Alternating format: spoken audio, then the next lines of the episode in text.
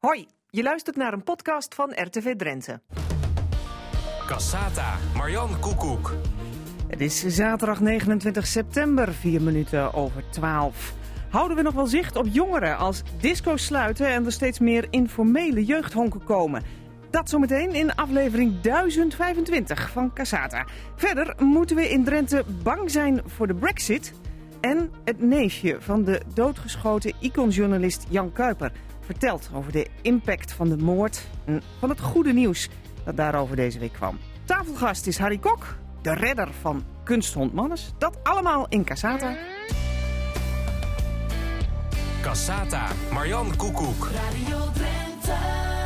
Ja, welkom bij Cassata. Nog maar een paar discotheken telt Drenthe. De tijd van de dorpsdisco is toch echt wel voorbij. Jongeren komen op andere manieren samen, misschien wel noodgedwongen door het uh, alcoholverbod onder de 18. Hoe hou je dat in de gaten en blijft er eigenlijk wel genoeg over voor jongeren in Drenthe? Daar ga ik zo meteen over praten met Mieke Damsma, burgemeester van Midden-Drenthe. Maar eerst onze tafelgast van vandaag, Harry Kok, bekend fotograaf uit Assen natuurlijk. Welkom, allebei natuurlijk. Uh, ook de redder van kunsthond Mannes. Voelt dat ook zo, Harry? Nee, nee. nee nou ja, want uh, als Harry Kok er niet was geweest, was de hond er misschien helemaal niet gekomen. Nou, gelukkig hadden, hadden we nog een paar wijze politici die op tijd uh, aan de bel trokken en zeiden van dit kan niet. Ja, hij wordt uh, de komende weken onthuld. Dat is de aanleiding dat je hier zit. Op Dierendag. Ze maken er een heel, heel feest van in ieder geval. Uh, maar ja, wat ik zeg, het had weinig gescheeld of er was geen kunsthond voor het station in Assen de gemeenteraad, of uh, burgemeester en wethouders hebben gedacht, uh, ja, misschien is dit technisch te ingewikkeld, wordt het te veel, wordt het geen goed beeld. Uh, eigenlijk was het hele plan van tafel. En toen kwam Harry Kok samen met een aantal andere mensen, laat ik dat duidelijk zijn. Ja. Zeggen van ja, maar die kunstcommissie heeft dit besloten, die hond die komt er en dan moet hij er ook komen. Wat zat er nou achter, denk je? Ik, ja, ik weet het niet. Het zou, misschien dat het iets te maken heeft gehad met geld, maar ik vond het een beetje een, een zwak argument, want het gaat voor alles op. Alles, alles wat je binnenhaalt, dat, dat, dat, daar ga je op een gegeven moment onderhoud aan plegen. Dat, dat kost iets. Dus ja. ik vond het... Hè, Alleen het argument, ze waren bang dat het kapot zou gaan? Want ja, er waren wel nou, technische snufjes in voorzien en, en schermen en dat ja, soort zaken. Ja, ik, ik, ik, vond het allemaal een beetje koud watervrees. Want als je zag wat voor maatregelen ze genomen hadden, dan was het, het was heel dik glas en het was echt uh, uh, hoor dat, uh, geweldsproof en, en het kon tegen water en weet ik veel wat allemaal. Alleen, ja, nee, misschien zouden we daar kosten bij krijgen. En... Ja, zou het echt een kostenverhaal zijn geweest? ik, ik denk dat het. Of waren ze gewoon bang dat mensen het niet mooi vonden? Dat kan natuurlijk ook. Ik denk dat ze zich er ook een beetje mee bemoeiden. Dat ze, dat ze, dat ze dachten van, hé, hey, wat, wat is dat voor ding? Moeten we dat wel hebben? Ja. En het was ook nog eens een keer een mannetjeshond. Oh, speelt dat mee? Ja, wie weet. Een mannetjeshond? Dat, dat, helemaal niet aan ik hoorde, ik hoorde nog uh, hier naar wat gefluister over. Ja, dan uh, houdt er zo'n piemel aan. Kan dat wel? Och. Ik, oh. Ja. Gaat het ook al een rol spelen? Mag een hond niet meer gewoon nou, ja, tegenwoordig speelt... Uh, ja. ja. nee, nou, het speelt, het speelt okay, zeker wel. Maar hoe ver, moet je, hoe ver moet je daarin gaan? Ja. Nou ja, ik, ja het, is, het is niet hardop gezegd. Het, is, het, het werd hier en daar gefluisterd. Maar het, het, kan een rol gespeeld hebben, maar het, ik, ik, vond het allemaal te truttig en, en ik vond het ook helemaal niet goed dat de, de, in dit geval uh, de overheid zich bemoeide met de inhoud van de kunst. Ja. Er was al besloten door een club van wijze mensen, van deskundigen, dat, dat, het, dat, dat het zou worden. Klaar. Ja. En in dit geval, zo hoort het ook te gaan. De kunstcommissie draagt ja, iets voor. Ja, die zijn, die zijn ingesteld, aangesteld door, door, door het college. En mm. uh, zo van, nou, wat jullie gaan doen, dat, dat accepteren wij, dat nemen wij. Ja. Ja, um, word je er moe van, van de discussie over kunst? Nee hoor, dat, kan, dat, dat zal altijd door blijven gaan. Ja, want ik, ik dacht onmiddellijk aan Kabouter Butplug in Rotterdam. Dat ja. altijd weer een discussie is van, is dat nou kunst? Ja, ja, ja. Kijk, wat, wat kunst is, daar moet je over blijven discussiëren. Dat, dat, dat, dat, dat is helemaal geen punt. Het is goed om het, om het levendig te houden doordat je er steeds over na moet denken. Maar uh, je, je, je, houdt het uh, als, als. Ik vind dat je daar als overheid. Uh, niet, dat je je niet met de inhoud moet bemoeien. En, en ja, als dat, als dat gebeurt, dan, dan, dan zak je af naar iets totalitairs. En dat willen we niet. Ja. Nu staat hij er. ik kwam er net langs. Hij heeft weliswaar een blauw zeiltje over zijn kop. Maar al duidelijk de contouren herkenbaar. Je hebt hem misschien ook al wel gezien. we hebben er, ik was net te laat om hem bij, bij, het neerzetten te zien. Hij, hij, was alweer afgedekt. Maar het, het, is een imposant gezicht nu al. En ik heb wat fotootjes gezien. Maar het, ik denk dat het een aanwinst voor die plek wordt. Ja. ja, want ik wou zeggen, over smaak van niet te twisten. Maar ik wil toch de vraag stellen, vind je hem mooi? Ik, ik, ja, er hadden natuurlijk duizend andere varianten kunnen staan van allerlei soorten uh, kunstuitingen. Maar als, als, als dit is wat het is, dan dit vind ik, heel, ik vind het wel mooi. Ik denk dat het heel erg indrukwekkend wordt. Ja, wat doet hij met je? Nou, dat moet, dat moet ik nog even ervaren. Maar ik denk dat dat, dat, dat gevoel heb, dat kan ik nog niet omschrijven, maar dat moet ik eh, volgende week gaan uittesten. Nee, straalt het iets uit op die plek? ik denk het wel. De ja, hond ja, ja, kijkt naar het station voor mensen die het nog niet hebben gezien. Het is een, uh, omschrijf het eens, het is beter dat jij nou ja, je komt, je komt uh, de stationsruimte uit en dan staat er een hond van, wat is het, uh, acht meter geloof ik. En van prachtig gepolitoerd afgewerkt hout. In, ja, het zijn, zijn stukken aan elkaar, maar dan helemaal, het is wel echt één geheel. Het is, het is ook een, heel duidelijk gewoon een hond. Mm en, en die staat heel fors rechtop en kijkt je aan. En uh, als het goed is, gaan er straks ook lampjes onder branden als je daaronder gaat lopen. Of die gaan uit als je er overheen loopt. En ik geloof dat, het, dat die stoom nog wel.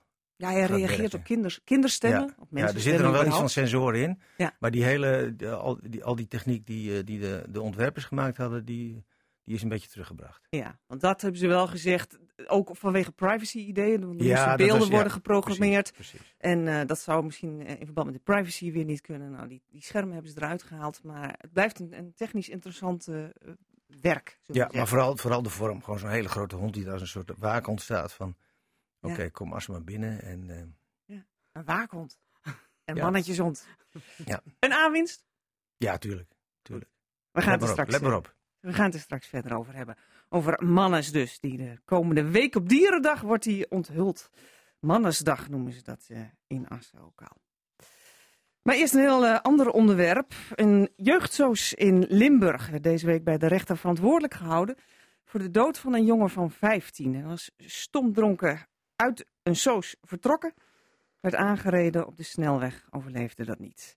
Heeft deze zaak ook gevolgen voor andere plekken waar jongeren samenkomen? Dat was de vraag die het uh, 8 uur journaal van deze week ook stelde.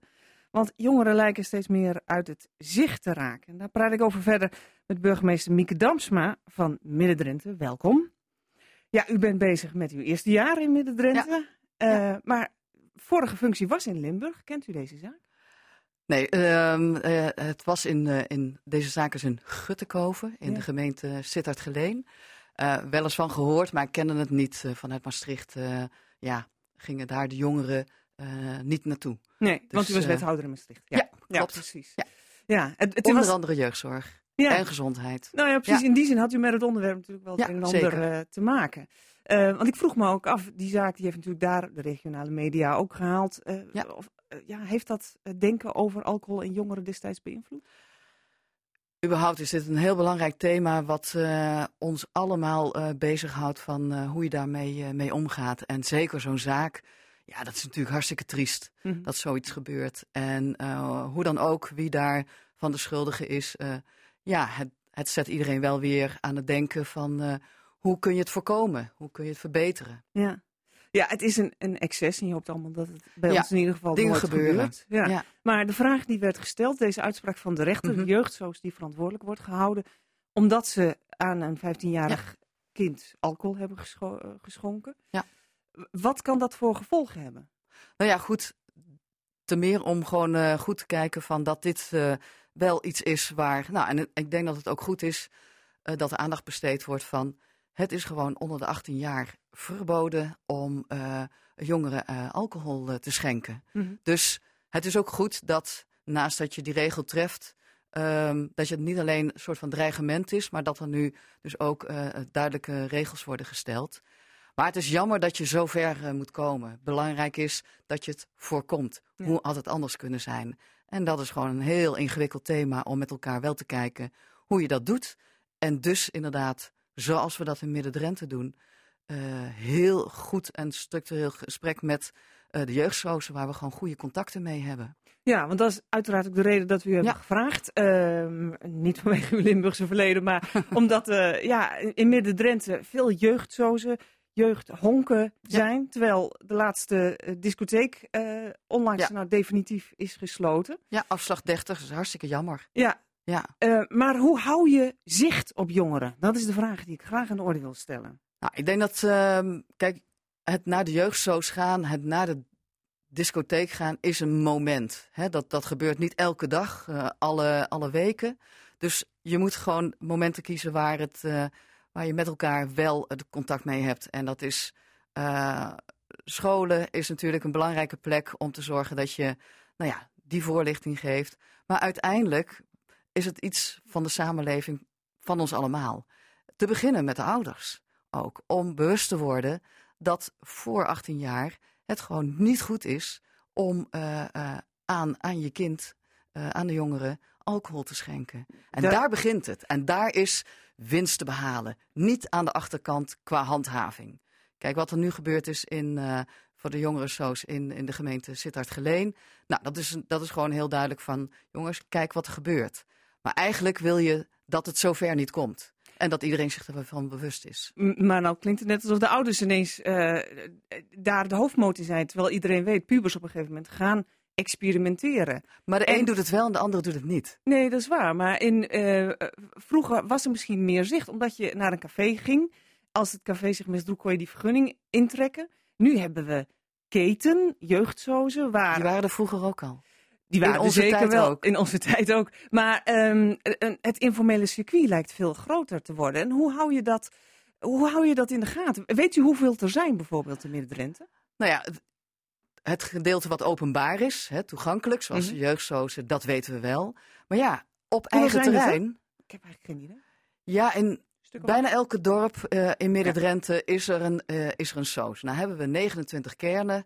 Niet iedereen heeft dat, maar in ieder geval vind ik het wel heel mooi dat wij bij de buurthuizen uh, heel vaak ook gewoon jongerensozen hebben. Mm -hmm. Dus nou, dat betekent dat daar gewoon wel op een goede manier mee omgegaan kan worden. Die hebben, ja, daar hebben we gewoon goede contacten mee, ook de beheerders uh, en de ouders. Dus wat dat betreft maak ik me daar niet zoveel zorgen om. Het gaat veel meer op eigen terrein, op privéterrein, waar wij als uh, gemeente, als handhaving ja, niet zozeer mogen komen, behalve als er overlast is. Mm, en dan hebben we het over verbouwde kippenhokken. Precies, schuren. schuren nou, iets wat van alle tijden caravans. is, wat we met elkaar, uh, uh, ja, wat, wat, wat bestaat. Mm -hmm. uh, en daar dan moet je met zorgen dat de ouders, de vrienden, de kinderen zelf zich bewust zijn van wat wel en niet mag en kan. Ja. Nou, zijn, zijn jongerenwerkers, hebben die ook contacten met al die groepen?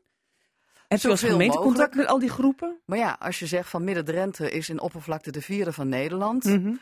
uh, nou, uh, om daar uh, de hoeveelheid jongerenwerkers, we hebben 33.000 inwoners, dat is gewoon heel ingewikkeld. Dus om het daar alleen maar neer te leggen, het gaat veel meer als samenleving met elkaar, ja, elkaar aanspreken op ieders verantwoordelijkheid.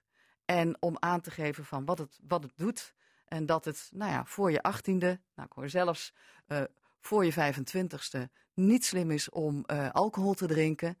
Ja, dat, dat vergt wel van elkaar, met elkaar, uh, dat je daarover over praat. Mm -hmm. En ja, daar ligt de taak voor de ouders, de opvoeders, nog steeds als een groot belangrijk thema. Ja. Um, de contacten van de gemeente richting die, die SOZen, mm -hmm. um, hoe, hoe, hoe verlopen die? Ja, heel goed van tijd tot tijd samen met uh, maatschappelijk uh, werk, heel welzijn Midden-Drenthe, maar ook uh, met de contacten in samenwerking ook met de scholen, maar ook de jongeren die de, de, de jongerensoos beheren. We hebben een subsidierelatie ook, ook met ze. Dat is ook een machtsmiddel? Nou, dat is ook een middel om te zorgen dat het gewoon goed gebeurt. Hm. En zover ik ze nu allemaal ken en gezien heb, ziet het er gewoon heel goed uit. En um, ja, gaan we daar met elkaar heel, heel goed om. Ja. Dus uh, de verantwoordelijkheid, die kunnen jongeren ook zelf ook nemen. En daar hebben we gewoon ook goede voorbeelden van. Ja, en dat is wel. Eens, want vertrouwt u erop? Ja, je moet, je moet absoluut uitgaan van vertrouwen. Ik vind dat wel een voorwaarde om met elkaar een volgende stap daarin uh, te kunnen nemen. En als je dat vertrouwen en die verantwoordelijkheid ook aan jongeren geeft, heel veel jongeren kunnen dat gewoon ook, ook dragen. Mm -hmm. uh, als je dat niet met elkaar doet, dan heb je met elkaar wel een lastig thema. Dan wordt het heel erg, erg ingewikkeld. Ja. Ja, we hadden het al even over afslag 30. Ja. disco die definitief sluit. Ja. ja, het is misschien niet meer van deze tijd. Dat moeten we dan ook constateren. Toch lijkt dat alcoholverbod daar ook een rol bij te spelen. Waardoor ze steeds meer zeg maar, in de informele sector terechtkomen. Weet ik niet. Ehm, het is een heel groot pand. We hebben goede gesprekken ook gehad met de uitbaters. Ehm, het, is, het is niet meer ja, iets wat, wat heel gemakkelijk is om gewoon uit te baten. Je mhm. ziet dat de festivals het veel meer gaan overnemen. En dat, dat uh, jongeren, ouderen, iedereen toch wel op zoek is naar, uh, naar wat anders. Um, en ja, ze waren niet iedere dag van de week open. Mhm. Dus het is niet zo dat daardoor er nu ineens iets heel veel wegvalt. Maar we hadden met de uitbaters, uh, en daar hebben we echt complimenten voor, om voor uh, um, um, 18 minners nou, alcoholvrije uh, feesten te organiseren. Dus ik ben ook heel benieuwd wie dat overneemt. Hm. Nou ja, dit weekend is het Oktoberfeest in, in Bijlen. Nou, er stond eergisteren een mooi artikel in de krant over hoe ze omgaan met vandaag zaterdag voor uh, de jeugd, voor de jongeren, zonder wat alcohol. te doen zonder alcohol. Nou, ik daag alle ondernemers en organisatoren uit in heel Midden-Drenthe, maar dat geldt voor het hele land. Want kom nou eens met initiatieven om het ook voor 18-minners leuk te maken, zonder alcohol. Want ik ben van overtuigd dat dat ook gewoon goed kan. Als je daarmee gewoon maar de uitdaging en het interessant maakt voor, uh, voor jongeren. En ze niet weert. Het ergste is uh, om 18-minners te weren. Ja. Want, dan zoeken uh, ze een eigen plek. Ja, precies. En dan denk ik van, ook als uitbater is het interessant om geen alcohol te schenken. En daar maak je ook gewoon winst op. Ja. Fris. Um, uh, nou, je ziet gewoon de ratlers, alles zonder alcohol is op dit moment gewoon één grote hype. Investeer daarin, zet het op de tap, maak leuke cocktails. Pierre Wind is een van de grote uh, um, uh, voorstanders om het interessant te maken zonder alcohol.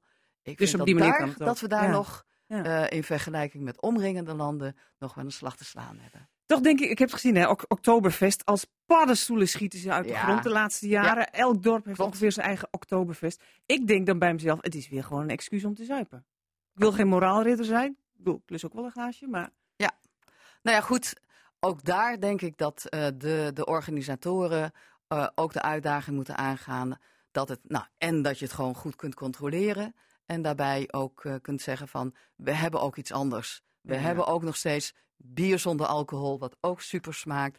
Laten we daar gewoon ook een feest van maken. Ik heb begrepen dat u zelf in, in Dirndl jurk... Ja, ik heb ja. het gisteren geopend in Dirndl. in Dirndl, ja, ja, ja, tuurlijk. Dat hoort er dan bij, misschien. Maar um, die uitnodiging om dat te openen, denkt u daarover na? Voorbeeldfunctie? We denken daar zeker over na. En je moet ook heel goed kijken van, kijk, uh, het verbieden en daar ingewikkeld over doen, dat, dat lijkt me niet het verstandige. Maar probeer gewoon daar de, de mix in te vinden in uh, goed om, omgaan met alcohol. Dat klinkt misschien heel gek en tegenstrijdig, maar dat kan ook. Je kunt het ook leuk ja, hebben en je gewoon matigen uh, met al alcohol. Het verbieden, nou ja, het heeft alle tijden ook droogleggingen. Het heeft het niet, nee, het niet hoge, uh, nee.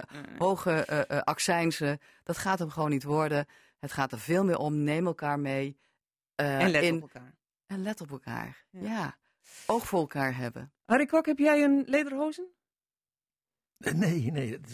Je zit er gewoon helemaal niet lekker in de lijn. ja, je moet ze inzetten, heb ik begrepen. Heel erg, ja. ja. Denk, zal, nee, nee, nooit over nagedacht. inlopen. Nee, nee. Van de festiviteiten en de partijen ga je naar de Oktoberfesten? Nee.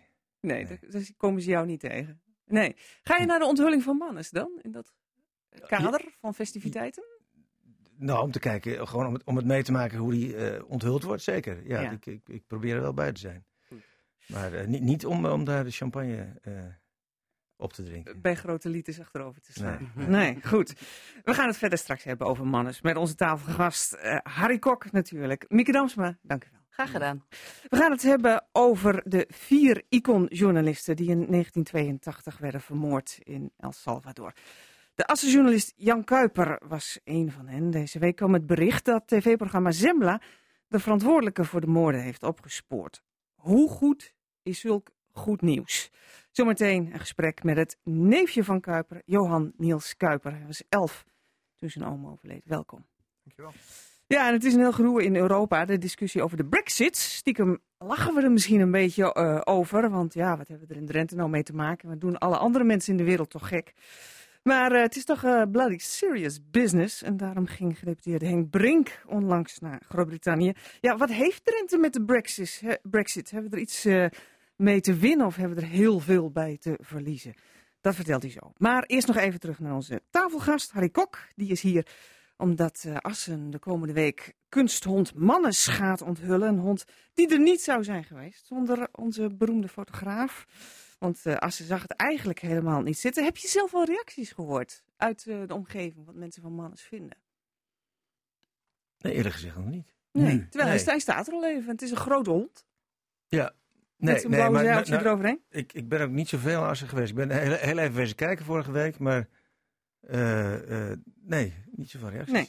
Het, is, het is wel uh, figuratieve kunst. Hè? Het is niet abstract, je ziet wat het, het is. Het is precies, een hond. Het we is, zijn een mannetjeshond We hebben een badje, we hebben een motor en we hebben een hond. Dus, ja, is dat, is dat wat bij Assen past? Moet je niet met waanzinnige ja, je, nee, je, je, je, je, moet geen definitie verzinnen van wat bij Assen past. Dit, dit, is, dit is bedacht door mensen die dat, dat idee hadden. En die hebben dat voorgedragen voor die commissie. En die commissie zei van, dit vinden we leuk, dit, dit past voor Assen. Ja. Punt. Nou, ik heb naar aanleiding van die discussie over geloof de ChristenUnie was, die zei ja, kunst is voor de mensen. En uh, we willen toch dat burgers er ook weer meer inspraak in krijgen? Kunst is voor de mensen? Ja. ja nee, kunst is, is zichzelf. Kunst en is? Je, je, je, je, maakt het, je, uh, je neemt het tot je, je beleeft het. Maar het, is, het heeft niet een doel op zich. Zelfs niet voor de mensen? Die moeten er ook, naar kijken, ook, die lopen ja, nou ja. er langs. Uh, ja, die moeten er iets uh, van vinden of niks van vinden. Zijn, zijn, boeken zijn voor de mensen, maar ze worden geschreven en gemaakt door een schrijver. En ze komen bij mensen terecht. Mm -hmm. uh, kunst is iets, het, het, wordt gemaakt door iemand.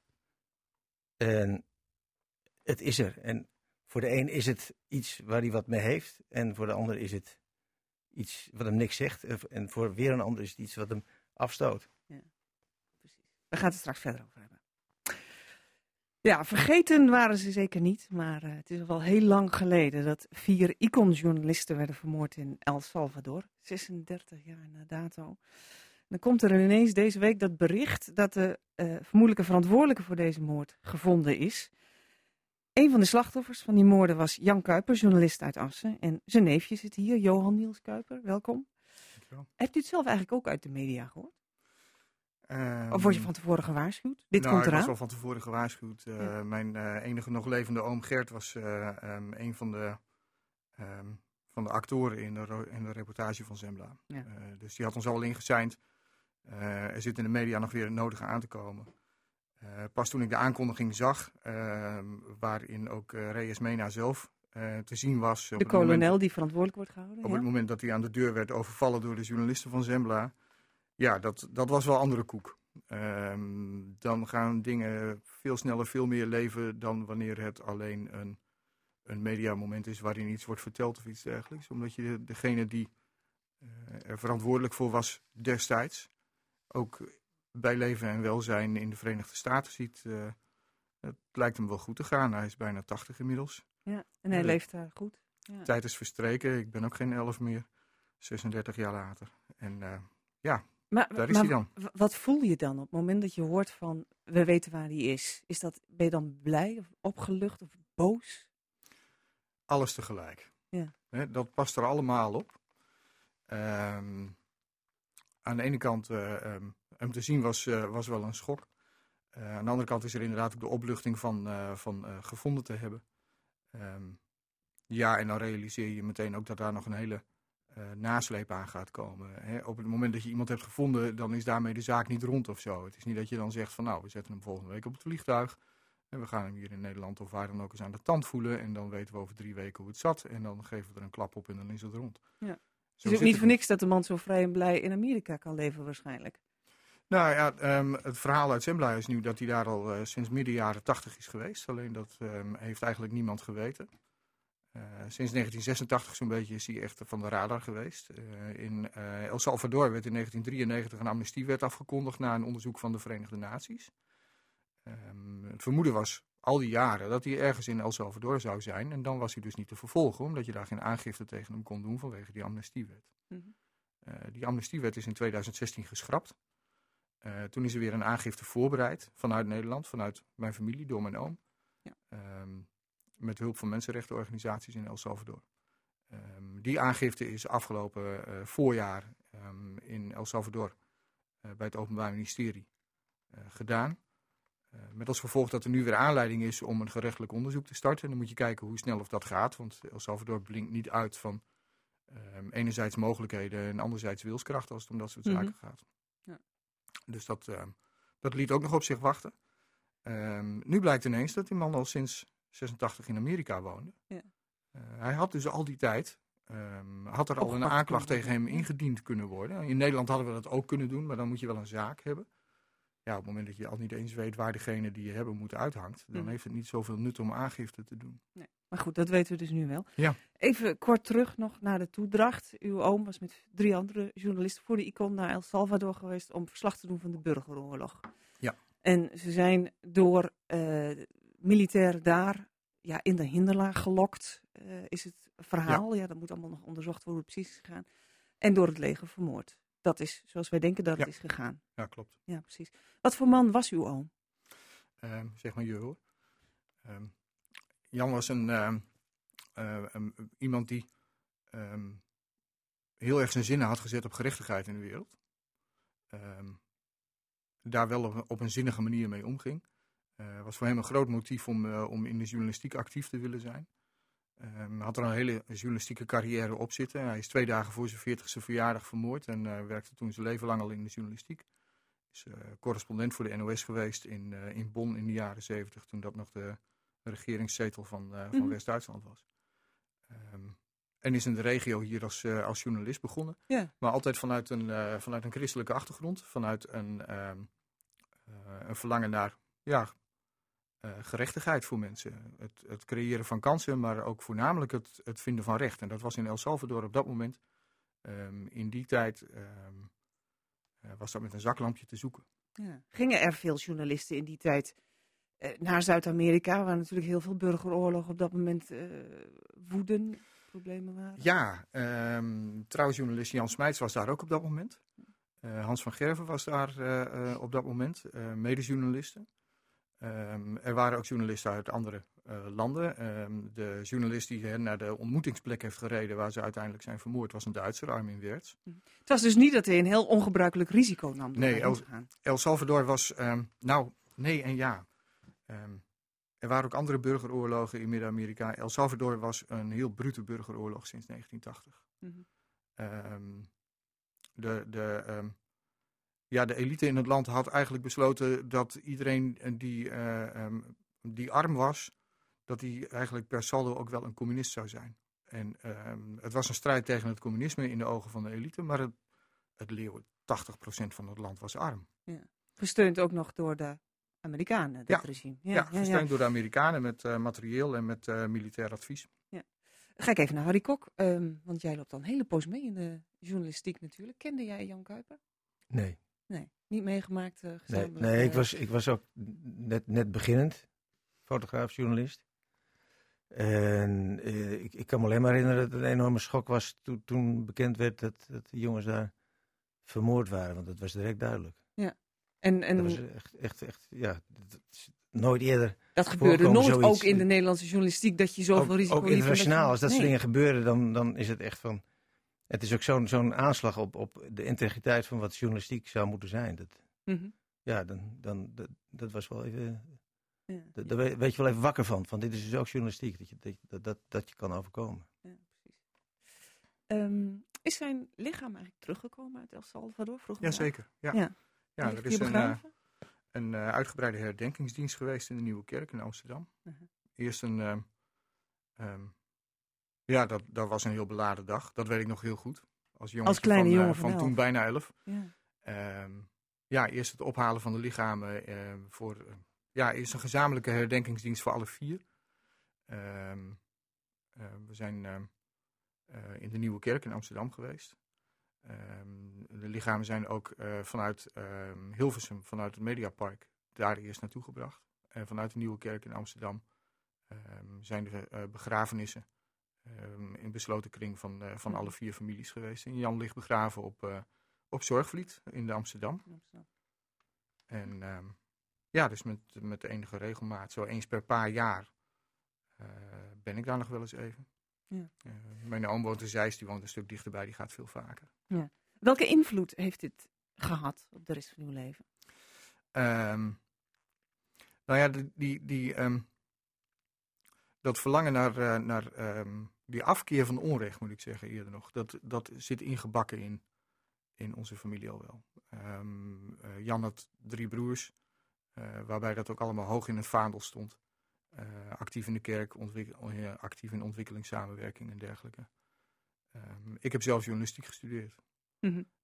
in Zwolle. Beetje in zijn sporen? Ja, ik heb heel kort in de journalistiek gewerkt. Dat is weer een heel ander verhaal. Maar goed, ja, als het dan, dan gaat om. Uh, inmiddels heb ik volwassen kinderen en ook aan hen zie ik dat ze um, um, wel een specifieke kijk hebben op uh, gerechtigheid en op onrecht in de wereld. Dus in die zin, ook 36 jaar later en, en, een halve generatie verder, zeg maar, is dat nog steeds heel prominent aanwezig. Ja. Maar het zit misschien ook gewoon echt in de familie. Wat maakt het nu los dat deze verantwoordelijke is gevonden? Um, een rare mengeling van uh, verdriet, boosheid en hoop. Ja. Ja. Um, er is een, uh, een, een, kansje. Um, echt een kansje. Dat het uh, ooit zal lukken om, om de man voor de rechter te krijgen daar zitten de nodige juridische haken in de ogen aan. Dat is echt niet zomaar klaar. Daar komt geopolitiek en internationaal recht en dergelijke aan te pas. Vanwege het feit dat het om Nederlanders gaat, om een Salvadoraan gaat. En de Verenigde Staten daar ook nog mee te maken hebben. Ja. Um, dat is echt allemaal niet zomaar gepiept. Gaat u daar zelf actief achteraan? Heb je daar een rol in? Nee, mijn oom, mijn oom Gert, uh, die trekt daarin meer de kar. Mm -hmm. heeft dat ook altijd gedaan. En ook um, uh, met verven. Heeft ook een goed netwerk wat dat betreft. Heeft ook zelf in Midden-Amerika gewerkt in ontwikkelingswerk. Um, en heeft, um, is, is ja, goed verbonden met, met mensen in Nederland in de, in de journalistiek, maar ook bij het Openbaar Ministerie en dergelijke, waar, uh, waar het goed is om, om te bewegen. Dat is voor mij een stuk minder. Ja. Wie is er nu aan zet om deze man misschien ooit te pakken te krijgen? Zaak van de Nederlandse regering? Neem ik aan. Ja, Ehm, ondanks, ondanks, dat kleine kansje. Mhm. Ehm, ik vind het nog steeds heel belangrijk. Kijk, destijds, een paar dagen voordat ze werden vermoord, waren er de nodige gebeurtenissen in El Salvador. En toen hebben ze met z'n vieren bij elkaar gezeten en gezegd: wat gaan we nu doen? Um, het was gebruikelijk bij de, bij de ICON, waar ze destijds voor werkten, om als dat soort dingen gebeurden, om dan te zeggen: pak maar je biezen, kom maar terug. Mhm. uh, daar hebben ze het uitgebreid over gehad. Toen hebben ze gezegd: dat doen we niet.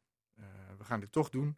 Um, en daar waren allerlei, allerhande aanleidingen voor op dat moment. En dat is uiteindelijk verkeerd gegaan. Um, dat was voor hen een stuk uh, commitment. Enerzijds naar de omroep waar ze gewoon voor werkten, maar anderzijds ook naar de mensen toe waarover ze de reportage maakten. Ze wilden hun verhaal maken. Ze wilden hun verhaal maken. Hè. Journalistiek is een communicatiemiddel. En als dat een gesprek op gang brengt tussen El Salvador en de buitenwereld, dan kan dat tot wat goeds leiden. En dat was de insteek. Um, als je nu zou zeggen van ja, ja 36 jaar, lang geleden, weinig kans. Misschien maar niet. Ehm, in de optiek van mijn familie mis je dan de kans om die, die missie alsnog af te maken, zeg maar. Al zou je niet succesvol kunnen zijn, um, ik vind het heel wezenlijk dat je ook op dit moment nog zegt uh, tegen, tegen de wereld die meekijkt, let op, ook al heb je 36 jaar geleden uh, als, als kolonel Reyes Mena deze, deze misstap begaan, dan kan je daar ook 36 jaar later nog voor ter verantwoording worden geroepen. Omdat dat um, in de geest is van hoe ze zelf hebben ingezet, uh, de vier. En ook omdat dat um, hopelijk gewoon een afschrikwekkende werking in de wereld heeft voor andere regimes, ja. voor andere um, militairen. In die zin moet de missie van uw oom nog altijd worden afgemaakt. Ja, ja, ja. Dat, dat, denk ik wel. Dat, uh, voor mijn gevoel zou uh, zou elke andere uitkomst daar zou eigenlijk een soort van zwaktebod zijn. En ik, eh, ik hoop dat uh, de Nederlandse regering en het Openbaar Ministerie dat net zo zien. Kan dit boek ooit worden gesloten, denkt u? Um, Hoe schat u de kansen in dat hij zich uiteindelijk voor een rechter moet verantwoorden? Die, die kans die schat ik klein in. En daarbij is het zo, um, elke strafrechtadvocaat zal deze man adviseren, ja, um, je moet voor de rechter verschijnen, je bent oud, je bent ziek, je bent moe. Mm Dan krijgen we misschien wel ergens een, een, een half sorry, of uh, anders alleen maar een um, ik, ik weet het niet meer, of iets dergelijks. Dus uh, krijgen wij daar als uh, familie zijnde in emotionele zin ooit onze genoegdoening? Nee, dat denk ik niet. Dat is, dat is wrang na 36 jaar. Mhm. Maar dat hebben we ook altijd wel geweten. En zo zit de wereld gewoon niet in elkaar uiteindelijk. En desondanks vind ik dat je dat moet doen. We gaan het, uh, we gaan het zien. We hopen naar het beste van, zeker. Zonder meer. Johan Niels uh, Kuiper, neefje van uh, Jan Kuiper. Dank u wel voor het Dank verhaal. We gaan nog even verder met de woeste buitenwereld, het buitenste buitenbos, zou ik maar zeggen. Um, gedeputeerde Henk Brink is hier aangeschoven, want niemand weet hoe het verder gaat met de Brexit. Voorstellen voor een fatsoenlijke echtscheiding gaan over en weer tussen Europa en Groot-Brittannië, maar voorlopig is er nog, nog niks geregeld. Maar ja, goed voorbereid mens stelt voor twee, natuurlijk, ook in deze. En daarom is Brink onlangs in Engeland geweest om zijn licht op te steken, want u weet wel hoe het afloopt, denkt u? Nee, volgens mij weet dat nog niemand. Uh, we waren inderdaad in Engeland om te kijken van wat betekent een brexit? Wat betekent een brexit voor Drentse bedrijven die willen exporteren uh, en die nu exporteren naar Engeland tegelijkertijd? Is ook een beetje voortgekomen uit die, die noordelijke actie van Top Dutch, waar we kijken hoe kunnen ja, ja. internationale bedrijven uh, naar, naar, naar Nederland halen, naar Drenthe, Groningen en Friesland. In ons geval voor Drenthe. Uh, dan kom je in contact met een Noordelijke Ontwikkelingsmaatschappij die voor ons zeg maar, de proposities, maar ook een beetje het beeld bedrijven naar Noord-Nederland en naar Drenthe moet halen. Nou, die is nog weer aangesloten en ik maak het iets misschien ingewikkeld bij de NFIA, het uh, National Foreign Institute for mm -hmm. Agency Investment. die trekt eigenlijk internationale bedrijven niet naartoe. Die heeft gezegd van als jullie dat willen weten, dan ga je met de ambassade spreken. We zijn bij de ambassade geweest en tegelijkertijd zeggen ze ook van ja, Drenthe moet natuurlijk niet in Londen zijn. Het gaat hier niet om de Unilever, de Shell of dat soort bedrijven. Nou, precies. Want ik denk bij mezelf, goh, wat hebben wij hier in Drenthe wat, wat, wat banden heeft met Groot-Brittannië? Nee, maar, maar, ook het MKB, zowel in Engeland als hier, heeft natuurlijk uh, te maken straks met een brexit. Als die, uh, ja, er komt een brexit hoogstwaarschijnlijk. Ja. Uh, misschien om daar nog iets over te zeggen. En het is natuurlijk heel vreemd hoe dat dan gaat. Het is een beetje wel het resultaat van uh, referenda. En er komt een referendum. En ja, dan stemt ruim 51% voor. En dan zegt men, er moet een brexit komen. En als je nu ziet, ik noem het maar een mission impossible. Hè, want eigenlijk uh, een normaal land zou je nog los kunnen weken, want die heeft grenzen. Dat ligt in, in Groot-Brittannië uh, nog wel een beetje moeilijk. Engeland mm -hmm. op zich zou kunnen. Maar Noord-Ierland Noord en Ierland ja. is eigenlijk onafscheidbaar. Dat wil men ook niet, dat wil eigenlijk niemand. En tegelijkertijd zie je dan, als je een vrij verkeer van goederen, handel, mensen, kapitaal hebt. maar je bent niet bij de Europese Unie, dus er komt een grens. Ja, dan moet die grens ook een grens zijn. En ik denk dat dat een mission impossible is. Uh, je ziet nu in Engeland ook dat je en daarom noem ik ook zo'n referendum, is een momentopname. Je ziet nu in Engeland grote bewegingen die zeggen het, we hebben dat misschien achteraf niet goed gedaan. Dat heel veel mensen zeggen, de impact is veel groter dan we gedacht hadden. Ja. Uh, het is ook eigenlijk een, een ontwikkeling die je niet wilt, ook als Europa niet. Uh, uh, dus je ziet nu een heel andere beweging. Maar goed, ze hebben dat toen aangevraagd. En dan heb je twee jaar tijd om te onderhandelen. Dat loopt volgend jaar maart af. Dan moet er een akkoord zijn. Of Engeland moet natuurlijk heel snel bijkeren. Dan zou je kunnen zeggen, we gaan door. Maar, dat uh, zit er ook nog niet in. Nou ja, er is we weten, weten eigenlijk nog helemaal niks. Laten we wel weten. Het kwaad is natuurlijk ook wel een beetje geschiet. Ik bedoel, als je nu met je, toen toch met de vrienden bent, de EU, met elkaar aan het onderhandelen bent. Je zegt, wij willen er niet meer bij horen. En je komt straks terug van ja... Uh, uh, het volk heeft nog eens een keer erover nagedacht, of wij hebben erover nagedacht, dan denk ik dat het kwaad wel geschied is. Zou ook heel raar zijn. Maar, dat zou raar zijn. Ja. Dus, maar goed, laten we dat dan maar even. Uh, er zal een brexit komen. Als het een harde brexit is, dan is er niets geregeld straks. en dan weet je eigenlijk niet hoe het komt. Dan wordt het heel vreemd, dan horen ze er niet meer bij. Ja, en hoe je dan met Noord-Ierland, Ierland is, ik, er wordt gesproken over, je kunt ook met heel veel techniek, uh, mensen volgen goederen, maar daar ja, gaan we ons dat maar is niet heel ingewikkeld. Maar ik wil wel even terug naar Drenthe. Want uh, uh, ja, importtarieven gaat het dan over vrij, vrij handel, vrij verkeer. welke bedrijven in Drenthe zijn zo druk met Groot-Brittannië? Nou ja, dat zijn er, dat zijn er best veel. Uh, uh, kijk, het is, het is een paar voorbeelden. Nou, heel veel landbouwproducten gaan wel naar Engeland. Ik pak maar even bloemen. Dus de tuinbouw uh, in Erika Klazineveen zou best heel veel ex kunnen exporteren naar, naar Engeland. Bijna alle bloemen komen daaruit uit Nederland. Maar er gaat toch ook vanuit Drenthe meer dan 350 miljoen aan waters naar, naar Engeland, vanuit Drenthe alleen. Dus dat zullen diverse bedrijven zijn. En een brexit betekent dan dat die bloemen, laten we zeggen de bloemen uit Klezineveen, dat die een dag langer moeten wachten voordat ze het land in kunnen, omdat nou er weer allerlei procedures moeten worden. Je moet in ieder geval als exporteur, en als het om agrarische producten gaat, een Friesland Campina, die zal zich voorbereiden. Die weet hoe de handel in de wereld loopt. Maar MKB-bedrijven die normaal gesproken binnen de EU, eh, redelijk overzichtelijk nog. Uh, alles een beetje gestandaardiseerd van hoe je moet exporteren. Maar dat is natuurlijk op de vrije wereldmarkt dan een ganz andere. Meer, meer paparazzen, meer papieren, dus meer invulwerk, misschien langere termijnen. Nou, daar moet je op inspelen als MKB. Daar. Uh, je weet niet wat de tarieven zijn, dus ben je dan nog concurrerend. Uh, uh, maar goed, als andere landen ook importtarieven krijgen. Dus je weet niet exact wat die consequenties zijn. Maar wat kan Henk Brink daaraan doen? Nou, wat wij, wat wij in ieder geval gedaan hebben, is daar gekeken van wat betekent dit in onze bedrijven.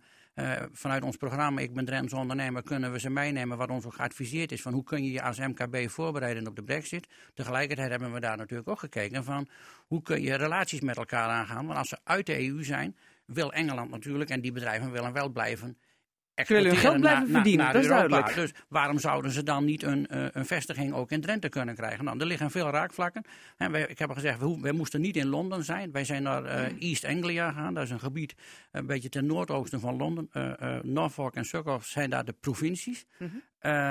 daar hebben we gesproken een beetje hetzelfde als Drenthe en, en, en Noord-Nederland, zeg maar, agrarisch gericht. Aan de andere kant maakindustrie, chemie zit daar. Nou, we hebben een Emmen, chemiecluster. Uh, uh, we hebben de smart factories hier ook, want ze kijken ook hoe kun je daar slimme fabrieken maken.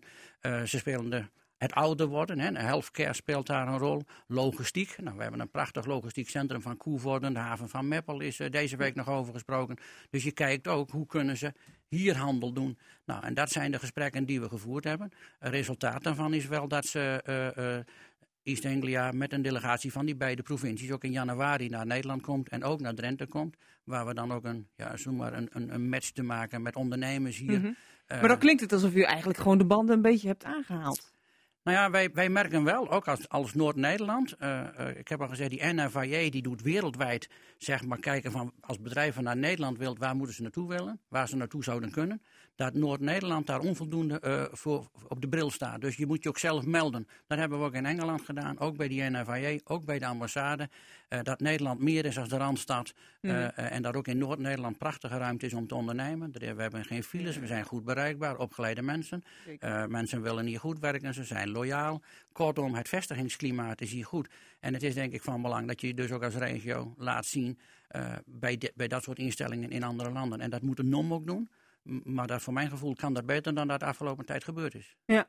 Hoe denken mensen in... Zijn het dan echt Engelse bedrijven die naar, naar Drenthe komen?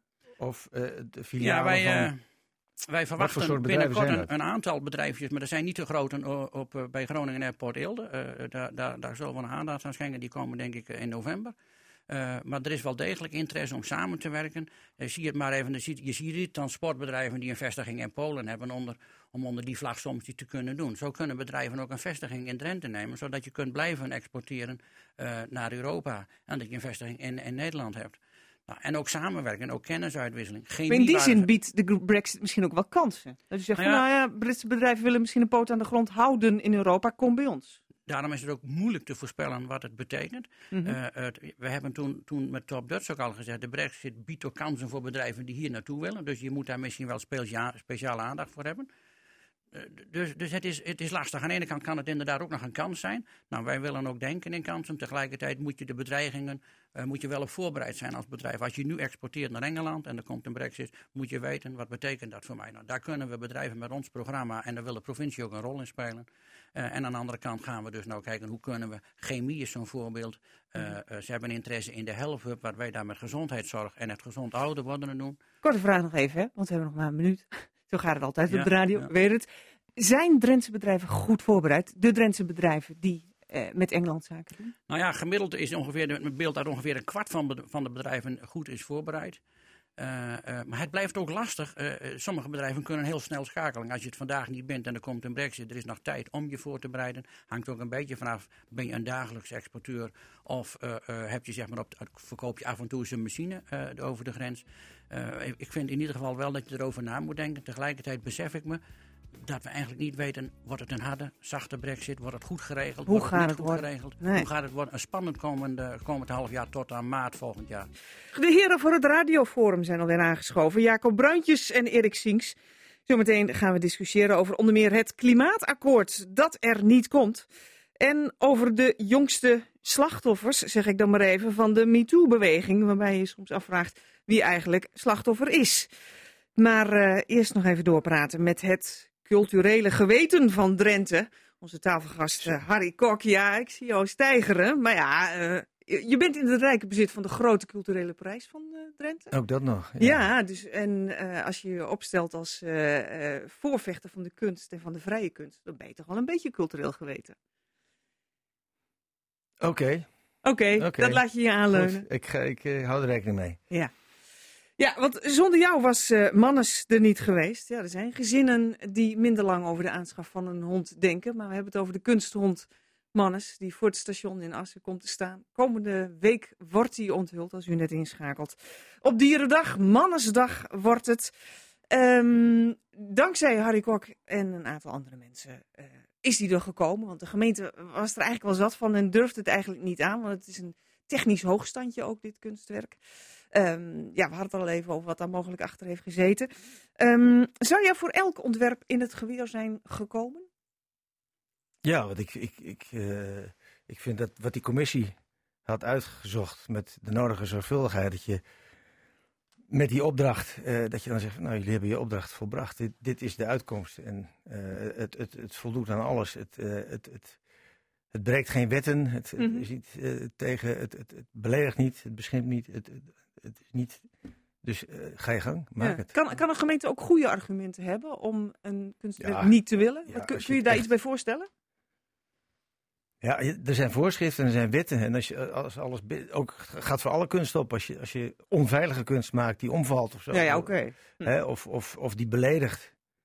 eh, dat ligt ook heel gevoelig. Hè, daar kun je allerlei voorbeelden van verzinnen. Mhm. Maar ja, dat ga je als, als, als gemeente ook niet leuk vinden. Dus daar, daar pas je wel voor op. Maar in dit geval Ja. toch lijkt me eh, verre van. Ja, ik weet dat als ze eh, vroeger ook een kunstwerk voor het station had, volgens mij wordt daar nog steeds mee geleurd. Want ze wilden dat ding graag kwijt. Weet je nog hoe het eruit zag? Eh, ja, dat is zo'n soort huisachtige stapeling van vier van die poten met een huisje erop en daar weer een krul op. Ja. Even kijken, hoe heet die maker? Mulder, geloof ik. Even uit mijn hoofd. Jan Mulder. Ja, niet die, die Jan Mulder. Maar een andere. Ja, precies. Aarde, water, aarde, water, huis was het geloof ik, die combinatie.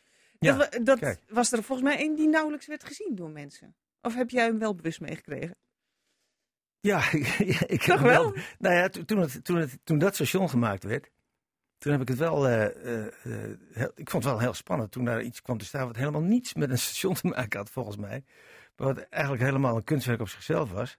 Met daar weer een kunstwerk voor. Alleen ja, het, het, dat, het, het was een, het, het was een halte. Ja, het is nu ook een halte, maar nu heel groot. En toen was het een halte met een, een soort eh, eh, halletje waar je doorheen ging, langs de bloemen. Maar iedereen ging eigenlijk buiten, buitenlangs. Eh, Mhm. de, nou ja, ik- het was een grappig gebouwtje. En het werd een beetje, wat was het ook alweer? Ze noemden het ook een, een moskee, geloof ik. Ja, met bollen en met Ja. punten. Maar ik, Ja. ik, een leuk gebouw, alleen ja, voor het station wat minder geschikt bleek toch uiteindelijk. Ja. Vond het bedoeld. lelijk, mag ik dat eerlijk zeggen? Ja, natuurlijk moet je dat zeggen. Ja, precies. Maar goed, we hebben het over kunst, niet zozeer over het stationsgebouw natuurlijk. Omannes, daar kun je niet omheen. Die is echt heel aanwezig, deze hond. Ja. Zes meter groot. Nou, je, kunt er zelfs, je kunt er zelfs onderdoor. Dus, eh, Oké, zoals dat is de bedoeling. Ja. Ja. ja. Assen maakt er wel heel erg een feestje van. Ik zag een, een affiche van wat ze allemaal willen gaan doen.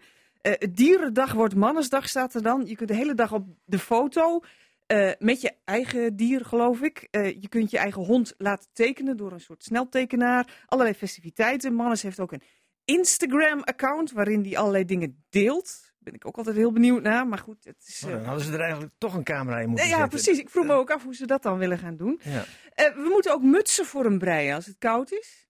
En als, een, als Nederland ooit nog eens een keer weer gaat winnen in, in de voetbal, in WK en EK, dan moet hij een shirtje aan, dat soort zaken. Eh, is dat niet een beetje onrespectvol? Of mag hij voor jou wel een muts hebben? Hmm. Ja, als, eh, eh, misschien werkt het. Misschien is het best wel goed om hem zo op die manier te integreren in de, in de maatschappij hier in, in, in de stad. Ja. Ja, waarom niet? Nou ja, goed. Ja, maar ik vind hem. Hij is mooi genoeg voor zichzelf, ja, ook precies. Je, je, hoeft er bijna, je hoeft er niks aan te doen. Mhm. Ik zou mijn eigen hond ook niet met een oranje Unox uh, dingetje op de, de, straat op sturen. Ja. We zullen kijken hoe ver dat gaat. Um, de gemeente hoopt ook hoge ogen te gooien in de verkiezing Kunststad van het jaar. Want naar aanleiding van Mannes kun je ook nog stemmen. Ja, allerlei internetverkiezingen zijn er natuurlijk. Hmm. Wat vind jij? Kunststad van het jaar? Ja? Vind, vind, nou, dan moeten we nog even een beetje meer ons best doen. We hebben een prachtig museum. Dat zeker. Alleen al daarom zou, kom je heel eind, denk ik. Maar ik denk dat we dan wat te hoog van de toren blazen. Maar... Ja. Wat moet er nog veranderen? Nou, er mag wel meer, meer kunst komen. Ja. En, en, en meer, meer plekken waar kunstenaars kunnen werken ook. En dat, dat is, dat is hier uh, wat minder. Mm -hmm. er, er, er, is veel leegstand, maar er zijn weinig plekken waar, waar ateliers zijn. Ja. Dat dus... biedt in die zin wel een, zou, zou een mooie 1 plus 1 is 2 oplossing zijn. Ja, nou ja, die dingen horen bij elkaar. Je hoort, je hoort een cultureel klimaat hebben, vind ik. En ik zie hier uh, weinig beeldende kunstenaars aan het werken. Die moeten allemaal naar andere gemeentes toe. Om ja, zijn daar, ze er wel? Ze, ze zijn er wel. Maar het, het, het, mag, het zou meer kunnen zijn. Ja. het, het verlevendigt het, uh, de, de, binnenstad of de, de, stad. Dan gebeurt het. Het is een, een, een vorm van activiteit in je omgeving die, die voor iedereen inspirerend kan zijn. Ja. Over activiteiten gesproken. Ik herinner mij twintig jaar terug dat er nog een hele leuke club Erven Eppo was in uh, Assen. God, dat is lang geleden. ja, en die deed hele leuke ludieke dingen. En een van de mensen die daarin zat, een van die Erven Eppo, was Harry Kok. Ja, en Jos Visser en ja. nou, noem nog een paar namen. Ja. ja. Maar dat is uitgeblust. Ja, dat, daar ja, heeft, dat zijn daar heeft dingen. Harry Kok in ieder geval geen puff meer voor. Nou, nee, maar er zijn altijd andere dingen die ervoor in de plaats komen. Ik bedoel, je, je, je blijft toch wel bezig met dingen, maar ja, er komen dingen op, er komen ideeën. Je zit, je zit in de kroeg of, of uh, je zat met elkaar te eten en dan denk je, nou, we gaan iets verzinnen om, om er zoveel avonden iets te doen met elkaar. En, en, Mm. en, en, en dan kom je bij elkaar en dan nodig je mensen uit en uh, dan doe je iets geks of iets leuks of iets inspirerends en daar komt weer wat anders uit. En dat dooft op een gegeven moment weer uit. Ja. Maar in die zin heb je voor jezelf geen rol? Nee, nou, we hadden de kunstsalon in Assen, uh, Rudy Lanjouw en ik. En um, die, die groeide een beetje over ons heen, want die ruimte is zo groot. En onze eigen bezigheden, die, die, die, die, die, ja, die eisten zoveel tijd op, dat we dat even in de pauzestand hebben gezet. Maar uh, als er iets te doen zal zijn, dan gaan we weer verder. Ja, heerlijk. We gaan verder met onze. Want aangeschoven zijn. Erik Zinks, lid van de VVD-fractie in de Tweede Kamer en woonachtig te Assen. En Jacob Bruinkjes, uh, voorzitter van de PvdA gewest Drenthe en ik woon in Borger. Ja, en Harry Kok, die mag natuurlijk ook zich mee bemoeien wat hij wil. Over de actuele kwesties waar we het vandaag over willen hebben in uh, Casata. Um, eerst maar eens het klimaatakkoord dat er niet komt. En waar zo naar uitgekeken werd. En uh, waar zoveel eigenlijk om te doen is en waar zoveel van afhangt. Hoe kan dat nou? Kijk, Um, allereerst het algemene klimaatakkoord, wat in Parijs natuurlijk gesloten is. Uh, daar is vervolgens in het regeerakkoord het nodige in opgenomen. Dat uh, eigenlijk Nederland binnen dat regeerakkoord nog eigenlijk wel een ambitie heeft die wat hoger ligt en daar ook voor op wil lopen. Wat is er vervolgens georganiseerd? Allerlei klimaattafels. Men is daar gaan discussiëren over hoe je dat dan zou moeten gaan bereiken. En dan heb ik het over de CO2-uitstoot. Er zijn allerlei plannen voorbij gekomen.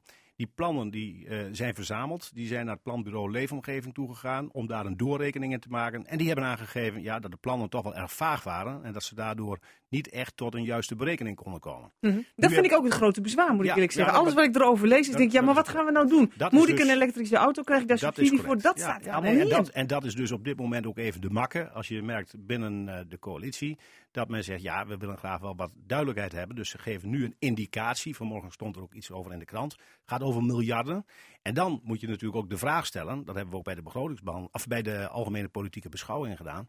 Wat betekent dat en waar leg je die rekening neer? Dus je zult uiteindelijk eerst meer duidelijkheid moeten krijgen over cijfers. En ook exact kijken van welke keuzes je maakt. En dan pas kun je gaan zeggen van hoe gaan we ze uitvoeren. Ja, en dan zeggen de andere coalitiegenoten, uh, D66 en ChristenUnie, ja, maar we moeten ergens beginnen. En we lopen al achter. Ik hoor u zeggen, we lopen voorop. Maar volgens mij loopt Nederland enorm achter. Ik heb niet gezegd dat we Europa. voorop lopen. Ik heb gezegd dat wij de ambitie hebben uitgesproken in het regeerakkoord om voorop te gaan lopen. Dus hoger dan de ambitie die uh, afgesproken is in het uh, Parijse akkoord. Uh, betekent dus dat je op dit moment even inderdaad een pas op de plaats neemt om te gaan kijken hoe ga je daadwerkelijk ook die zaken die je voornemens bent te gaan doen en die afgesproken zijn of besproken zijn in de klimaattafels, hoe zet je dat om in daadwerkelijke actie? En kun je er ook een prijskaartje aan hangen en bij wie leg je dat kaartje neer? Ja. Praten hier niet veel te veel mensen over mee, dacht ik. Nou, dat, eh, kijk, er zijn al wel uh, wat uh, berekeningen gemaakt. Hè? Alleen die zijn natuurlijk nog niet heel erg hard. Maar wat je ziet is dat de vrees in ieder geval is dat huishoudens ongeveer twee keer zoveel betalen voor een ton CO2 minder, maar dat moet minder allemaal, dan bedrijven. En dat de agrarische sector misschien wel een factor 5 minder betaalt dan een huishouden. Uh, daar is men kennelijk nog niet uit, maar je moet wel met een rekening naar de burger. Dat kan niet anders. Je moet met een rekening naar de burger. En de, vraag is met wie? Naar wie ga je toe en met welke rekening? En wat die, vraag, die opmerking zal van mij niet verbazen wordt dat een beetje eerlijk verdeeld. Ja. En, dat is, en, dat is, en, dat is, dus ook de reden waarom er nu vertraging in het proces zit. Omdat daar geen duidelijkheid over is, daar nog geen uitspraken over gedaan zijn. Dus je kunt wel direct zeggen, nou, we gaan met uh, in blinde vaart allerlei dingen al gaan doen. Pas er straks een fikse rekening uitkomt, uh, en je weet nog niet waar je hem neer gaat leggen en je gaat daar een discussie over krijgen, nou, dan is het snel over. Maar we weten toch dat het ontzettend veel geld gaat kosten? Ja, nou ja, wat is overigens ook wel van uh, minder dan twee keer uh, wat de dividendbelasting afschaffen kost, dus wat is heel veel geld. Hè? Maar ik, ik, ik denk dat je wel aan kunt geven, en dat zou ook de regering kunnen doen, van nou, waar willen we nou, hoe willen we die lasten ongeveer verdelen? Los even van de hoogte van de lasten. Maar uh, zolang je nog niet precies weet hoe het zit, hoef je het ook niet eens over te zeggen. Maar hoe, hoe moeten we dit voor de burger uitleggen? Want niemand verwacht dat hij ineens een rekening krijgt. Maar eh, in concrete, in concrete voorstellen. Hoe lang gaat het duren voordat je echt het idee hebt van oké, okay, nou verandert er iets? Nou ja, eh, daar ligt een mooie taak voor deze regering. En uh, voorlopig ziet het nog niet hard op. Nou, eh, dat is natuurlijk niet helemaal waar. Je ziet natuurlijk dat het, eh, het besef natuurlijk bij allerlei organisaties en bedrijven ook wel degelijk aanwezig is dat je bepaalde stappen moet gaan zetten. Eh, ik heb zelf in de Kamer het uh, dossier circulaire economie. Dat betekent dus dat je je kringloop, sim, hergebruik. kringloop, hergebruik, et cetera. Um, en dat betekent ook dat daar een doelstelling ligt om die CO2 terug te brengen. Betekent ook dat die bedrijven, waar ik ook op werkbezoek ben geweest, wel degelijk al stappen hebben gezet. Maar ook graag straks duidelijkheid willen hebben welke richting er vanuit de regering wordt gekozen omdat zij natuurlijk ook investeringen gaan doen of willen gaan doen. Dus het moet niet zo zijn straks dat iedereen op elkaar zit te wachten. Maar je ziet wel dat er in de markt het besef aanwezig is. Zowel in de markt, maar ook bij de burger dat er iets moet gaan gebeuren.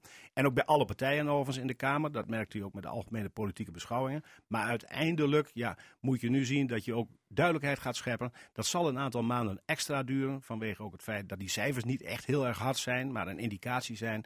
En dat zal ongetwijfeld binnen nu en een half jaar ook plaatsvinden. Ja, ik denk, die schat in dat het duidelijk wordt net naar de statenverkiezingen. Ja, want dat is ook nog een argument. Iedereen zegt, ja, er komen weer verkiezingen aan en dan kunnen we het er ook niet over hebben. Als je voor de verkiezingen uh, mee gaat delen van, nou, misschien moeten we wel uh, gaan betalen.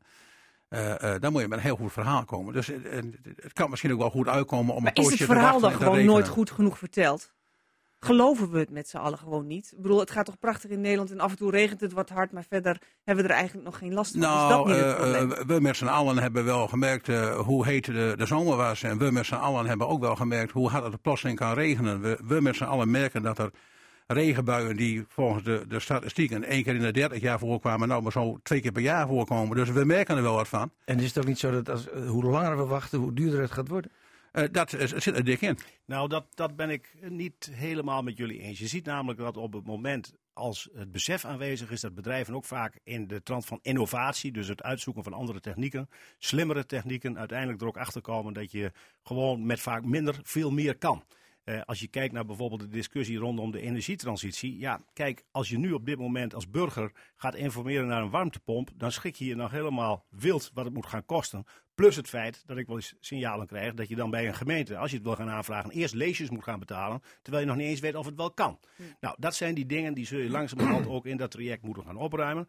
Betekent ook dat de markt, wat ik net al aangaf, er al op inspeelt. Ook probeert goedkopere oplossingen te vinden. Ook uh, te gaan kijken hoe ze die CO2-uitstoot uh, kunnen verminderen. En dan zie je dat de tijd soms ook kan helpen om juist die oplossing goedkoper te maken. Ja, maar dan heb, je, over de kosten, heb je over de kosten van de oplossing. Maar ik heb over, over het uitstellen van het, het, het reduceren van in dit geval CO2. Als we daar Als we dat voor ons uitschuiven, dan wordt het probleem om het op te lossen straks mm, veel veel kostbaarder. Dat, dat, hoeft niet, want je kunt natuurlijk ook straks veronderstellen dat er technieken zijn waardoor je het veel sneller kunt gaan oplossen. Kijk, we, we willen allemaal heel simpel kijken naar de hele discussie rondom het gas. Hè. Iedereen weet wat er in Groningen gebeurd is. We gaan af van het Groningsgas.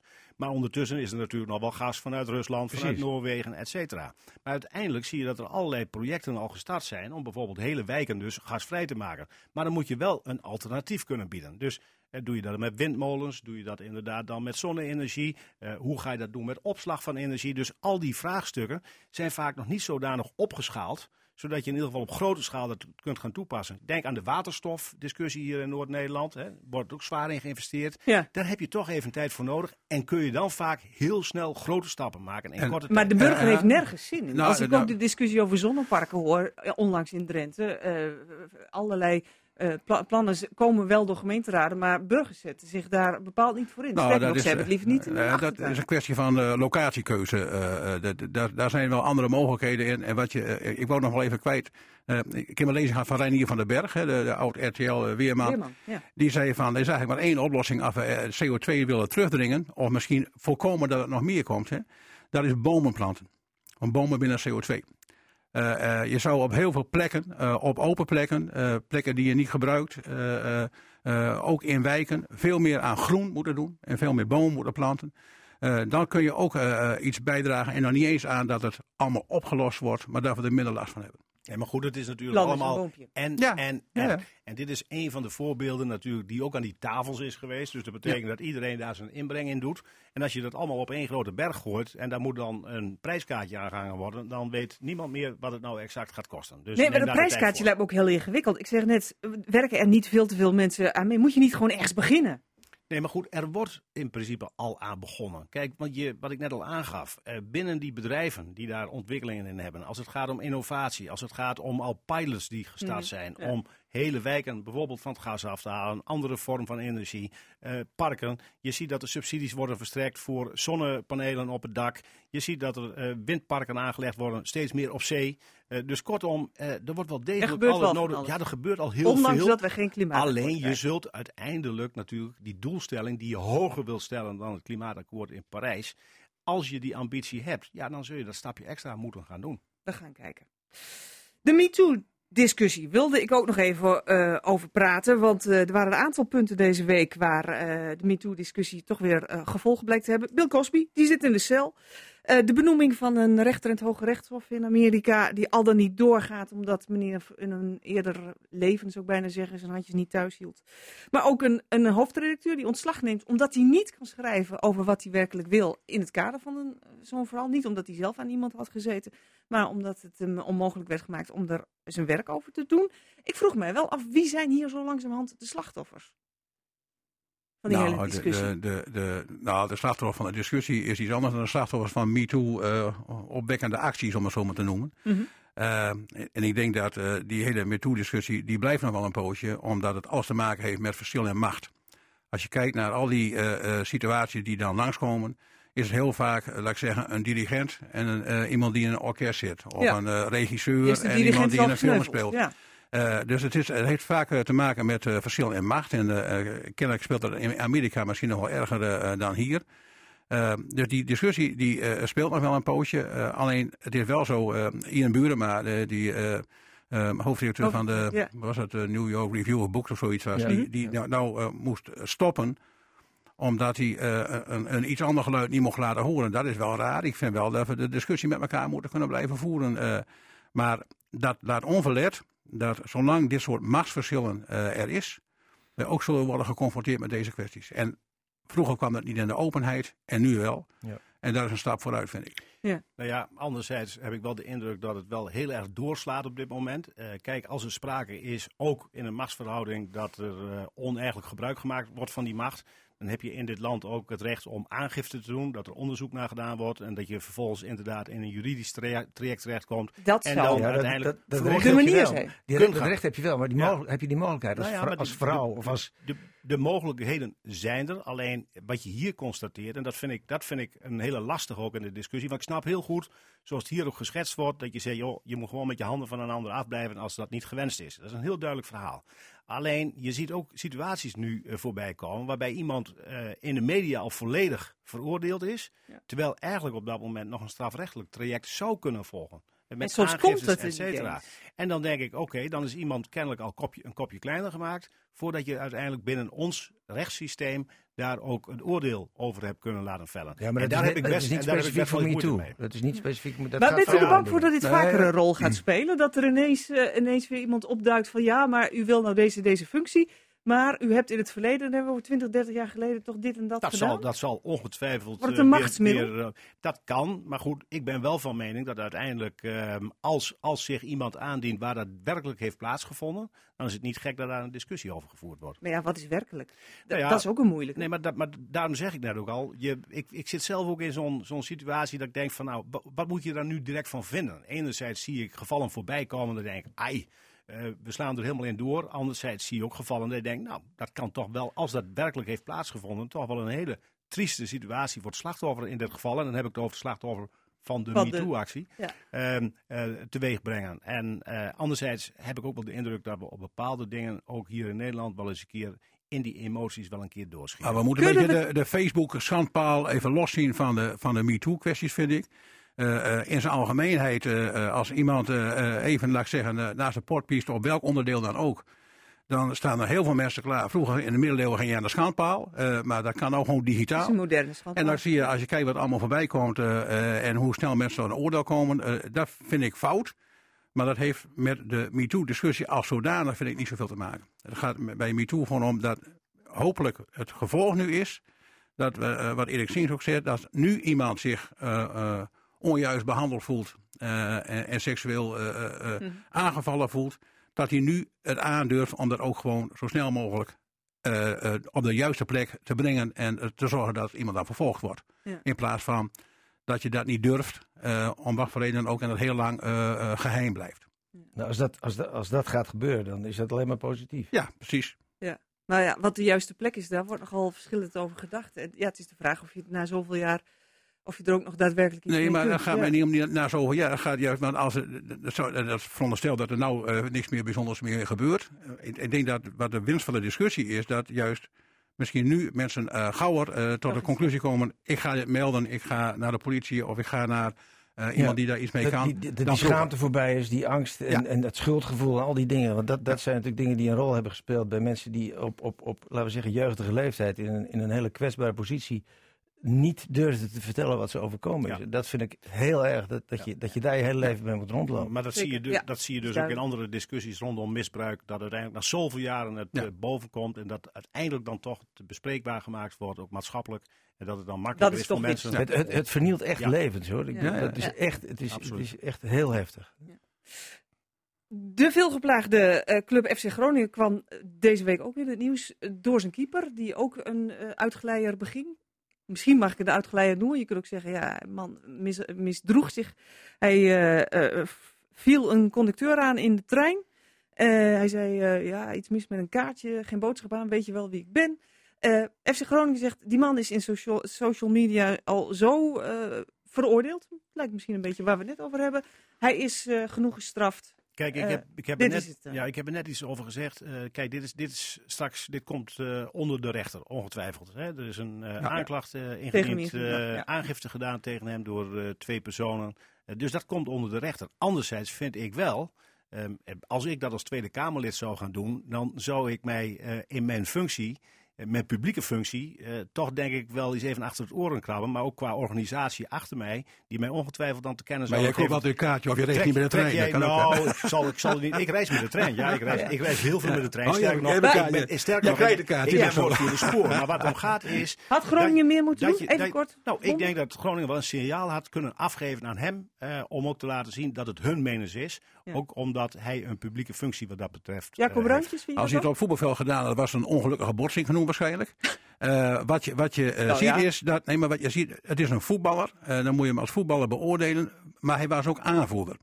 En als aanvoerder heb je een voorbeeldfunctie. En dat hij de consequentie heeft genomen van ik heb iets gedaan wat niet deugt. En dan kan ik ook geen voorbeeldfunctie uitoefenen. En daarom kan ik het niet langer doen. Nou, dan denk ik van dat is een prima stap. Goed.